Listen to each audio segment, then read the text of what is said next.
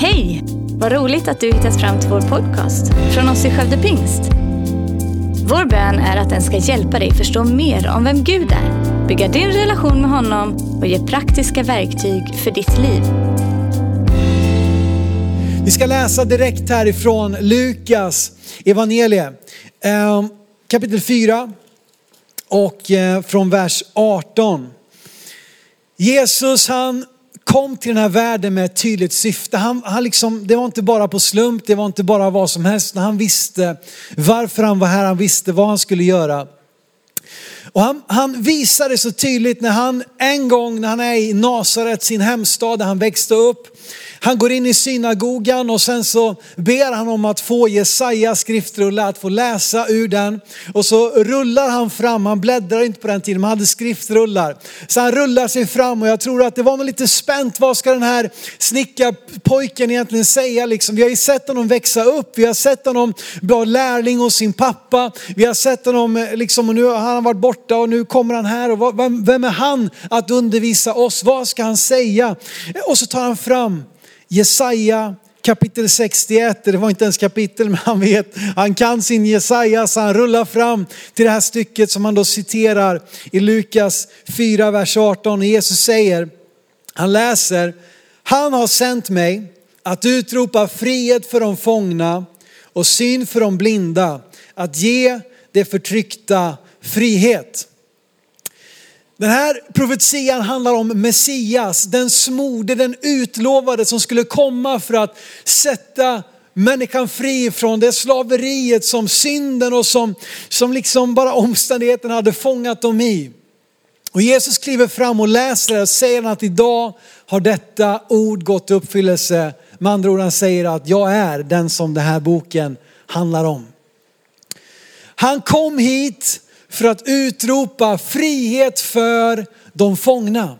Frihet för de fångna. Guds vilja för dig är ett liv i frihet. Det är hans vilja. Det är hans hjärta för dig, att du ska få uppleva frihet. Men eh, om man inte är fånge då? Vad ska vi göra då? Jag är inte fånge, jag vet inte hur det är med dig men om någon säger en fånge då tänker jag i alla fall på någon som är iklädd liksom enfärgade kläder, någon slags jumpsuit eller vad heter det, overall, någon beige eller kanske orange eller vad vet jag och sitter liksom i en cell. Och eftersom de flesta av oss inte befinner oss i ett yttre fängelse kan vi lätt skaka av oss tanken på att vi skulle behöva frihet. Jag är inte fånge. Direkt stoltheten växer. Jag har ingenting att bli fri ifrån. Vi har så mycket byggt upp en bild i kyrkan där den som söker förbön, den är svag. Den som ber om hjälp i samtal visar att han eller hon är i behov av hjälp. Vi har byggt upp en känsla av att gifta par som går i rådgivning, ja de måste verkligen ha det riktigt illa. De borde skämmas. Vi har en bild av att inte behöver väl jag hjälp. Inte sitter väl jag fast. Inte har väl jag någonting som binder mig. För se på mitt fina yttre. Jag har ingen enfärgad beige overall på mig titta, jag har det ganska bra och inte att jag ska skicka in ett böneämne, inte att jag ska visa för någon annan att jag är i behov av hjälp. Men vet du vad? Det visar bara ännu mer på att bundenhet inte handlar om om vi sitter i ett yttre fängelse eller inte.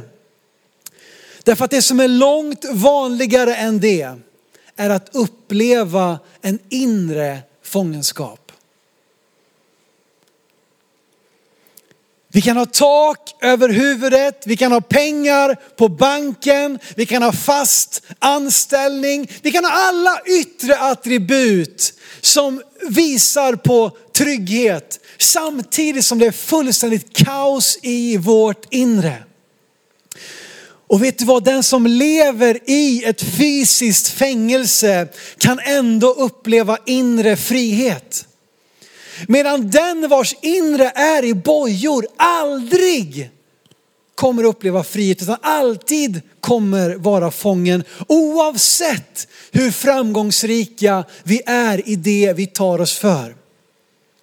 Därför att nivån på din frihet bedöms inte utifrån yttre framgång utan inre frid. Tvärtom är det allt för ofta så att den liksom yttre framgången allt för ofta leder oss in i ett inre kaos. Hur många kändisar, hur många miljardärer, hur många av de bästa liksom idrottsmännen och kvinnorna, den dagen karriären tar slut, då rasar världen samman. Den dagen det inte längre finns någonting att köpa för pengar, då, då fylls vi med ännu större tomhet. Vet du vad? Vi borde inte söka oss frihet genom att få så mycket pengar som möjligt, genom att få så mycket status som möjligt, så mycket följare som möjligt. Nej, vi borde vända oss inåt. Och i höstas när vi började planera och tänka på den här perioden utav bön och fasta, i många, många år har januari varit en månad för bön i vår kyrka, precis som för väldigt många andra. Nu börjar jag fundera bara, Gud vad, vad är det du vill säga? Vad är det du vill göra den här perioden på ett speciellt sätt? Naturligtvis vill Gud verka personligt och kollektivt på, på långt mer än det vi har förberett. Men jag bara fick ett ord. Frihet. Frihet. Frihet.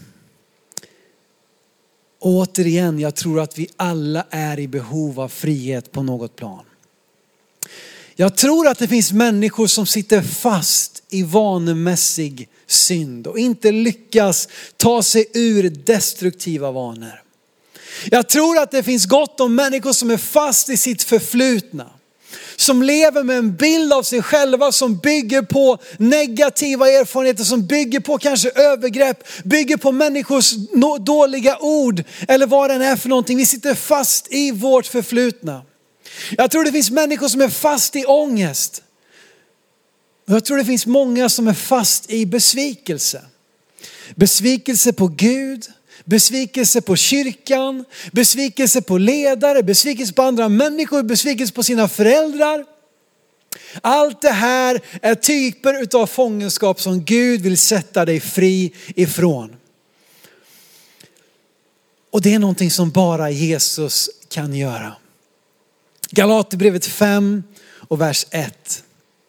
Hela Galaterbrevet vill Paulus visa på att, att Gud har kallat oss in i frihet. Vi behöver inte längre förhålla oss till och vara bundna utav yttre lagar utan Gud har satt oss fria. Och han för ett resonemang mot de som vill lägga på liksom religiösa plikter på människorna. Och han försöker visa på vad Gud verkligen har kallat oss till, nåden som han har gett oss. Och han säger så här, han proklamerar det i Galaterbrevet 5 och 1. Till denna frihet har Kristus gjort oss fria. Stå därför fasta och låt er inte på nytt tvingas in under slavoket.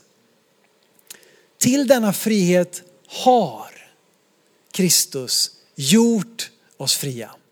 Det är ett slutför, slutfört faktum. Kristus har betalat priset för vår frihet.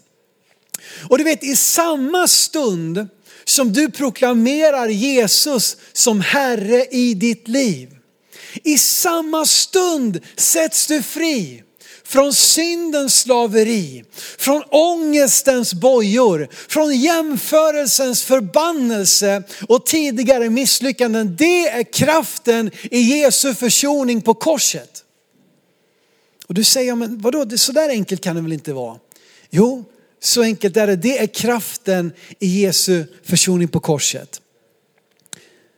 Trots det så är vi många som tillåter oss att tvingas in under slavoket på nytt. Vi tillåter inte det som Gud har gjort i oss bli en verklighet i våra, i våra liv.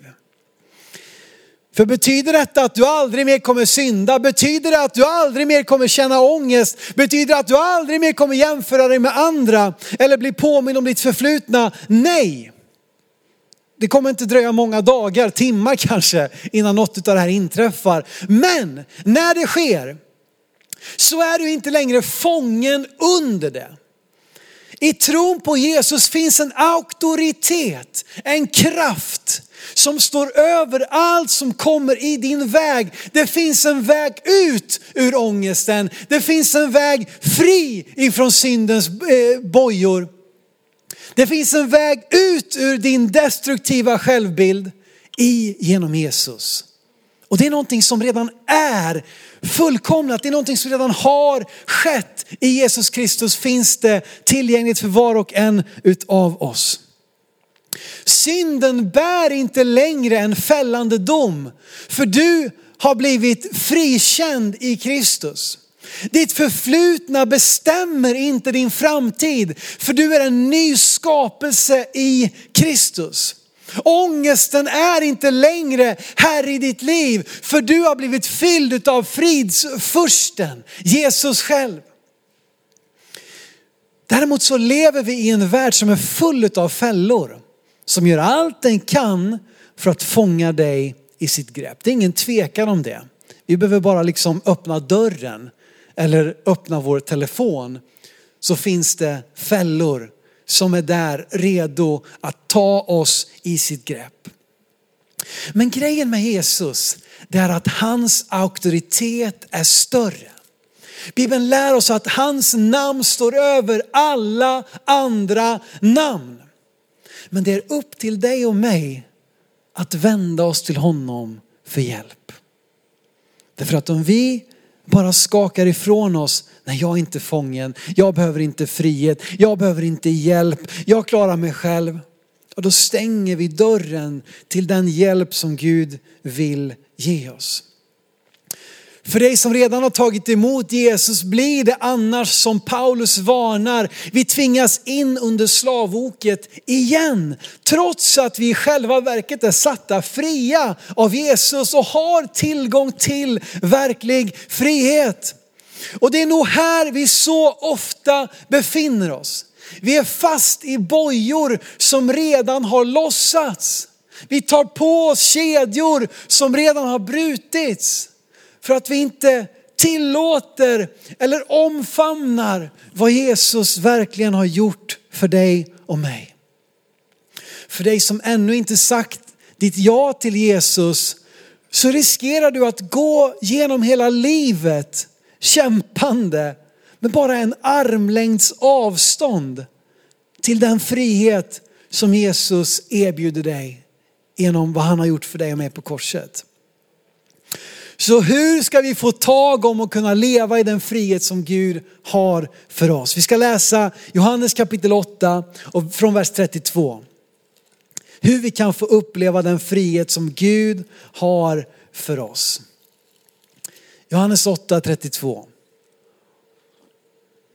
Jesus säger så här, ni ska lära känna sanningen och sanningen ska göra er fria.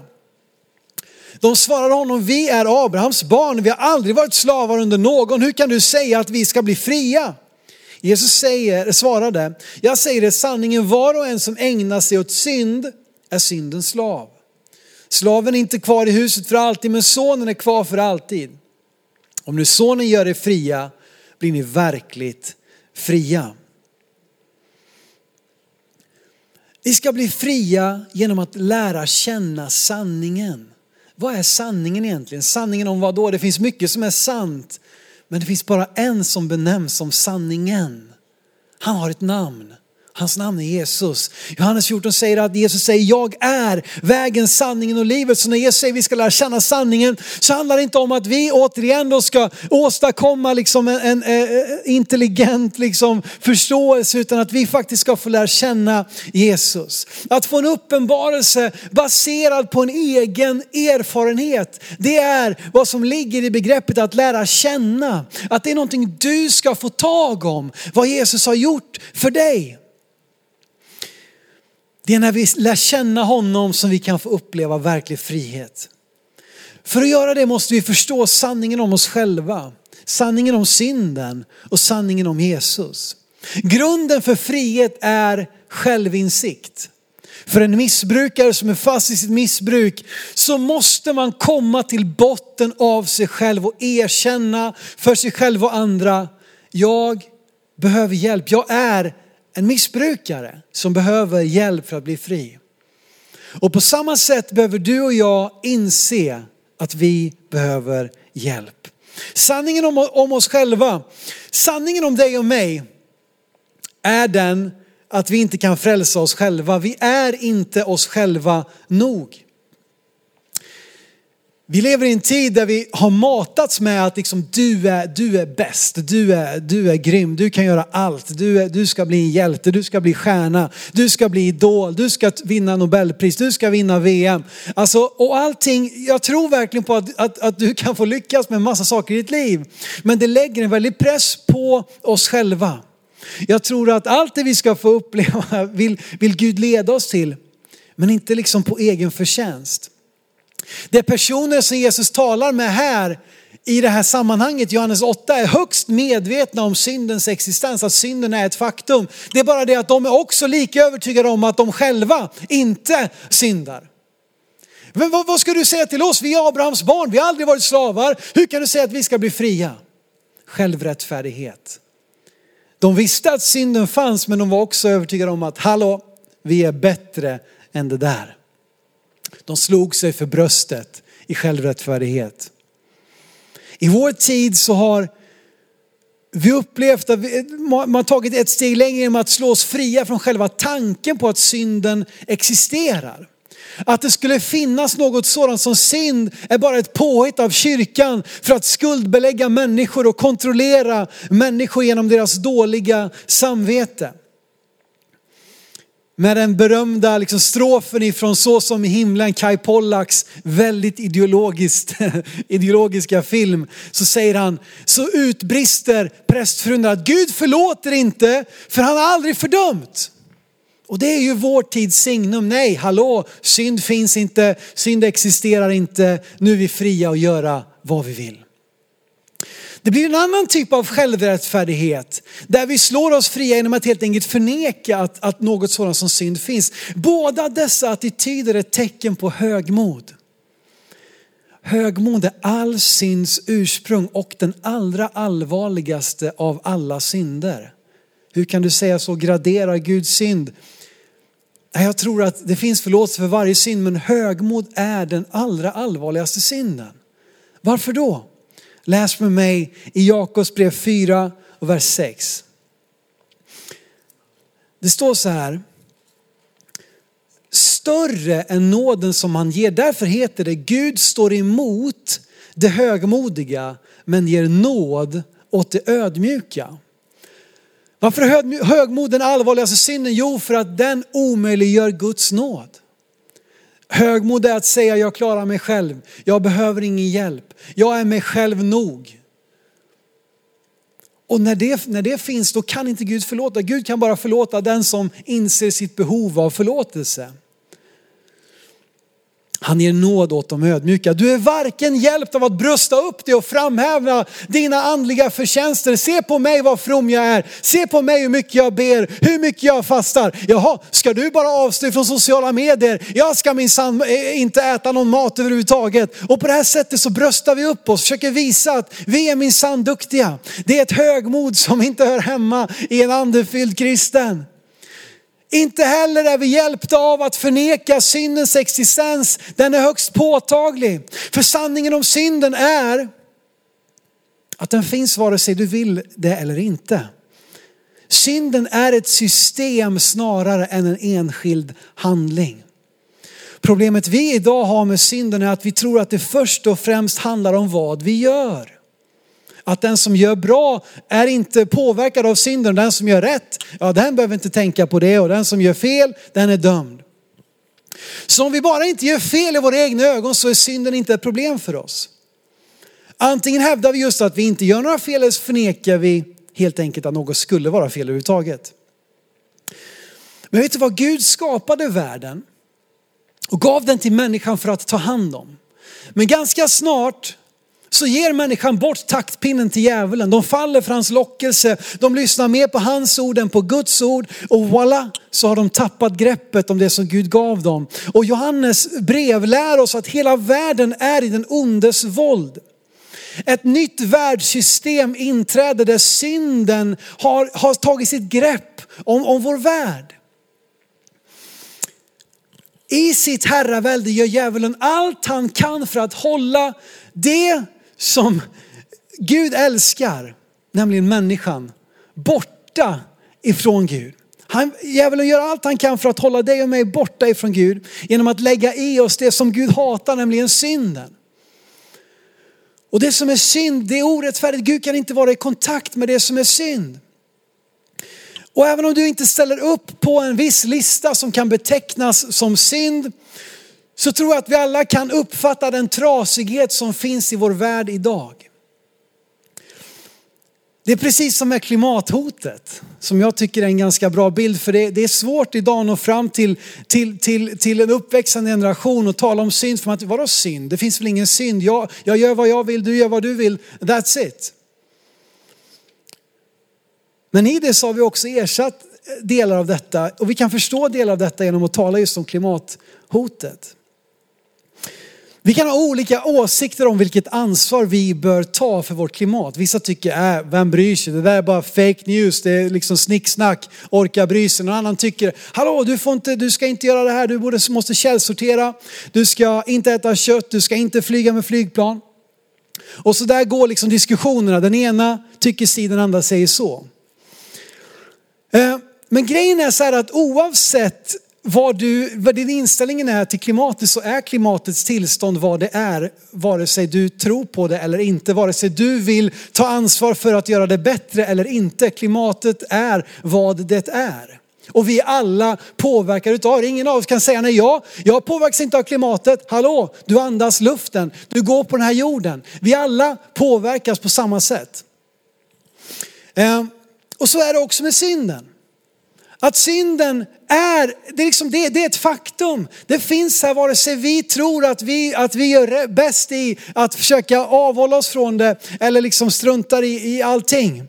Eh, jag tycker också det är ganska intressant att så fort människan har gjort upp med skuld och skam som följer liksom på det här med syndamedvetenhet. Vi har sagt att vi ska inte känna någon skuld för ingenting är fel. Men jag skulle vilja säga att inte minst i klimatdiskussionen så har vi ersatt, hittat nya sätt att skuld och skamma andra människor. Där hittar du vår tids moralism. Och jag, inte, jag tycker att, att både synden och klimatet är värt att ta på allvar och ta ett ansvar för. Men min poäng är att vare sig du tycker att vi ska ta ansvar för klimatet eller inte så är det vad det är och så är det också med synden. Synden är verklig. Syndens system innebär att vi föds in i en värld som är skild från Gud. Alltså är syndens verkliga problem vad den redan har gjort, vad den redan har uträttat. Inte vad du lyckas eller inte lyckas göra. Synden försvinner inte för att du anstränger dig att vara en bättre människa. Vad vi behöver lära oss av synden är vårt behov av en frälsare. Det är vad synden först och främst behöver lära dig och mig. Att jag är i behov av en frälsare. Och det leder mig in på sanningen om Jesus. Syndens lösning är inte att du och jag lyckas undvika en att inte göra-lista. Syndens lösning är Jesus. Att Gud är helig och omöjligt kan komma i kontakt med synden är inte något som ska få oss att bli arga på Gud och tycka, ja men Gud välj vad du var präktig och välj vad du var fin i kanten, varför kan inte du umgås med oss? Nej, det faktum att Gud är helig, det är våran räddning.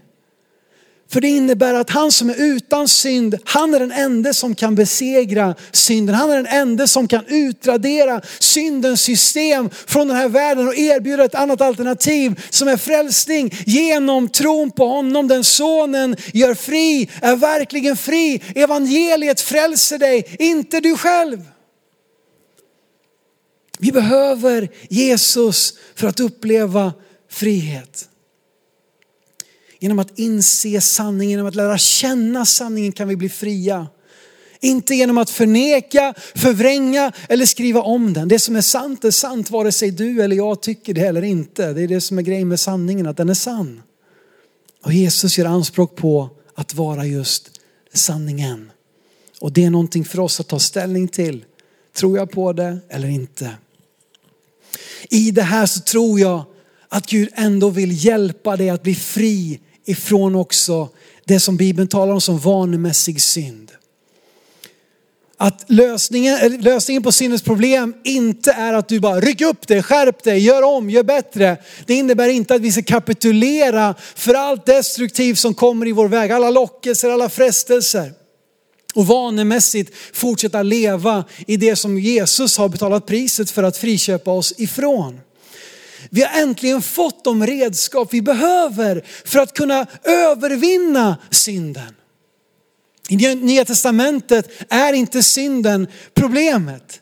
Jesus har besegrat oss och friköpt oss. Vad Bibeln vänder sig emot är vanemässig synd där vi kapitulerar inför den eller berättigar den. Det är det som är, det är då synden kan bli ett problem. Genom Jesu död på korset blir vi fria från syndens system, syndens lön som är död. Och genom att ge den helige ande mer och mer inverkan på våra liv så kan vi också få hjälp och redskap att övervinna och besegra syndens vana. Du vet synden tar bort din frimodighet. Synden förmörkar ditt sinne, synden liksom håller dig borta från Guds planer. Varför leva i något som Gud vill göra mig fri ifrån? För dig som sitter fast i syndens vana vill jag bara ge, visa dig på tre kraftfulla sanningar. Det första i Romarbrevet 6. Romarbrevet 6 och vers 6, hela det här in, halva kapitlet, eller hela kapitlet handlar om dopet vad det kan få betyda för oss. Du som vill uppleva den frihet som Gud vill ge dig, det måste börja med hjärtats tro. Att du tror Jesus, jag behöver dig. Du är min frälsare. Och nästa steg är också att låta döpa sig i vatten. Varför då? För där finns kraften att också övervinna synden, att också bli fria ifrån det som tynger ner oss. Det står så här i Romarbrevet 6, vers 6. Vi vet att vår gamla människa har blivit korsfäst med Kristus för att syndens kropp ska beröva sin makt så att vi inte längre är slavar under synden. Den som är död är förklarad fri från synden. Har vi nu dött med Kristus tror vi att vi också ska leva med honom. Jag vill säga till dig, bli döpt i Jesu namn. Dopet är en källa till kraft. Dopet är vägen in i att få bli en ny skapelse, att begrava det gamla, att uppstå till något nytt. Så bli döpt. Vi vill så gärna få vara med och döpa dig. Du som ännu inte har tagit det steget och bara vänder till oss, vi vill hjälpa dig. Ett annat sätt att få uppleva frihet från synd är att bekänna den. Att bekänna den. Första Johannes brev kapitel 1, vers 8. Om vi säger att vi inte har synd bedrar vi oss själva. Sanningen finns inte i oss. Men om vi bekänner våra synder är han trofast och rättfärdig så att han förlåter oss våra synder och renar oss från all orättfärdighet. Bekännelsens kraft. Det finns en kraft i bekännelsen. Först och främst att vi bekänner inför Gud. Alla kristna har en direkt länk direkt till Gud att kunna säga Gud förlåt mig. Men ibland så räcker det inte. Ibland så tvingas vi fortfarande, vi hålls kvar i det destruktiva, vi hålls kvar i det negativa och då vill jag bara säga till dig, bekänn för någon annan. Bekänn för en annan människa, få upp i ljuset det som, det som frodas i mörkret, avslöjas i ljuset. Och genom att bekänna för en människa som du har förtroende för kan du få hjälp att bli fri och övervinna vanemässig synd. Det sista jag vill säga är ifrån Predikaren kapitel 4. Predikaren 4. Jag predikade om detta i november när vi talade om kraft i relationer. Och vet du vad, det gäller också nu, det handlar inte bara om våra parrelationer utan vi behöver varandra i varje del av våra liv. Predikaren 4, vers 9-10, det står bättre två än en. För de får god lön för sin möda. Om de faller kan den ene resa upp den andra. Men veden som är ensam, faller han finns det ingen som kan resa upp honom. Det är vänners kraft.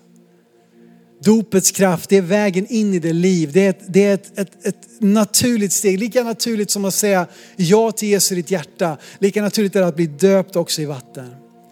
Bekännelsen är vägen till frihet. Att bekänna, att erkänna. Gud jag behöver din hjälp, förlåt mig.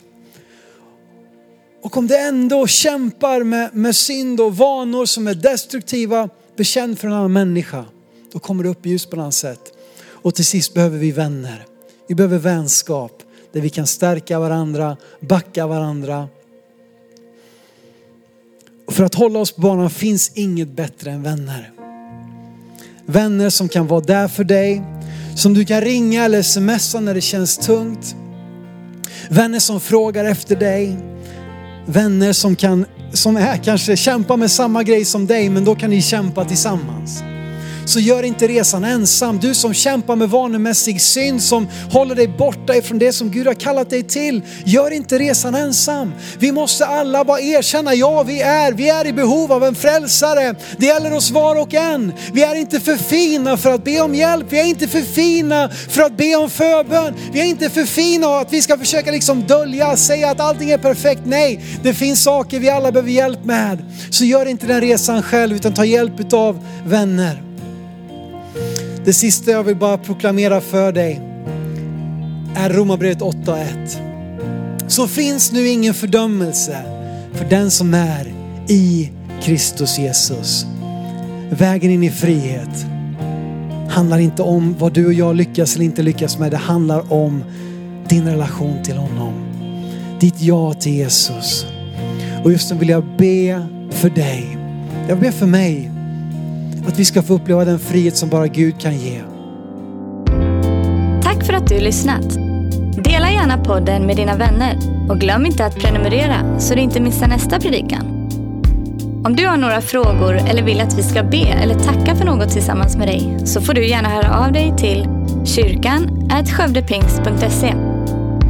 För oss är veckans höjdpunkt söndagens gudstjänst och det vore så kul att träffa dig där. Våra team finns då redo att ta emot dig och det finns även egna samlingar för barnen. Du hittar mer information om oss, vilka vi är och våra olika mötesplatser på skövdepingst.se. Gud välsigne dig och ha en fortsatt bra vecka.